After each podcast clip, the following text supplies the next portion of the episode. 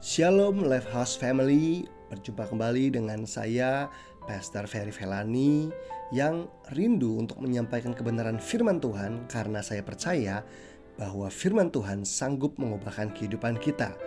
Ayub pasal yang kelima ayat yang ke-17 berkata, Sesungguhnya berbahagialah manusia yang ditegur Allah, sebab itu janganlah engkau menolak didikan yang maha kuasa. Firman Tuhan berkata berbahagialah atau di dalam terjemahan bahasa Inggris dikatakan diberkatilah. Diberkati atau berbahagia tidak datang hanya melalui berkat-berkat finansial, berkat-berkat materi, tetapi juga datang melalui koreksi dan disiplin. Hari ini saya rindu untuk berbicara tentang koreksi dan disiplin. Koreksi dan disiplin ternyata adalah salah satu bentuk berkat Tuhan koreksi dan disiplin yang kita terima dari Allah mampu mendatangkan berkat dan kebahagiaan atau sukacita dalam hidup kita. Kita tahu bahwa kalau kita melakukan apa yang salah, kalau kita hidup dengan pemikiran-pemikiran yang keliru, kalau kita hidup dengan sikap hati yang salah dan tidak pernah dikoreksi dan didisiplin, maka kita akan kehilangan berkat Tuhan dan akan kehilangan hidup yang penuh dengan sukacita. Karena itu, penting bagi kita, Bapak Ibu, untuk belajar menerima teguran atau koreksi dan juga disiplin daripada Tuhan. Koreksi bertujuan untuk memperbaiki apa yang salah. Kadang kita nggak sadar sebagai orang percaya, kita memiliki pemikiran-pemikiran yang salah. Mungkin pemikiran-pemikiran kita bukanlah eh, hal-hal uh, yang fatal secara moral kita hanya berpikir untuk melakukan kecurangan-kecurangan kecil dalam bisnis.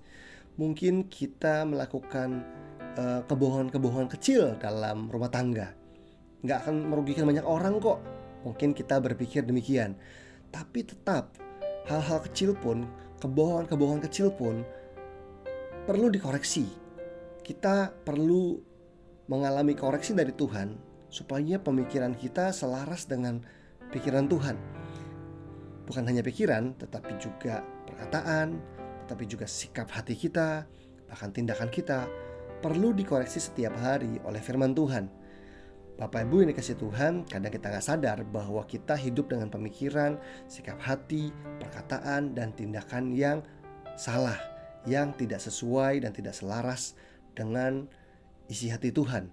Jika terus-menerus dibiarkan, maka apa yang salah dapat saja membahayakan hidup kita, dapat menjerumuskan kehidupan kita, dapat merusak rumah tangga kita, dapat menghancurkan bisnis kita, bah bahkan dapat membuat kita jauh dari Tuhan atau membawa kita pada kebinasaan. Karena itu, kita perlu belajar menerima koreksi, karena di balik koreksi ada berkat Tuhan dan ada sukacita yang datang daripada Tuhan. Bukan hanya itu, kita juga perlu belajar untuk tidak menolak didikan janganlah engkau menolak didikan yang maha kuasa. Di dalam terjemahan bahasa Inggris, kata didikan punya arti disiplin. Kita harus belajar untuk tidak menolak disiplin dan didikan yang datang dari Allah yang maha kuasa.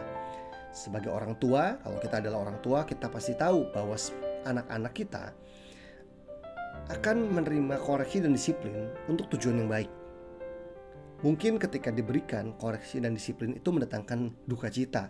Anak-anak sedih, anak-anak kecewa, marah, merasa anak e, merasa kita orang tuanya kok jahat. Tapi sebagai orang tua kita tahu bahwa koreksi dan disiplin mendatangkan kebaikan untuk tujuan yang jangka panjang. Dikatakan jangan menolak didikan yang maha kuasa. Kenapa? Karena sebagai manusia kita ingin punya kuasa. Kita ingin hidup bebas semau gue. Kita ingin nggak um, mau diatur.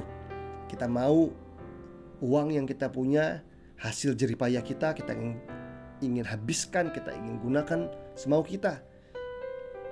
Nah bapak ibu yang kasih Tuhan perlu bagi Tuhan untuk mendidik kita untuk mendisiplin kita agar kita nggak hidup seenaknya. Jangan menolak didikan yang maha kuasa. Di balik kuasa kita, ada Allah yang Maha Kuasa. Izinkan Tuhan menyatakan kuasanya di hidup kita melalui koreksi dan disiplin karena dia Tuhan yang lebih tahu masa depan kita. Izinkan koreksi dan disiplin membawa kehidupan kita pada kehidupan yang bersuka cita dan kehidupan yang diberkati oleh Tuhan. Amin.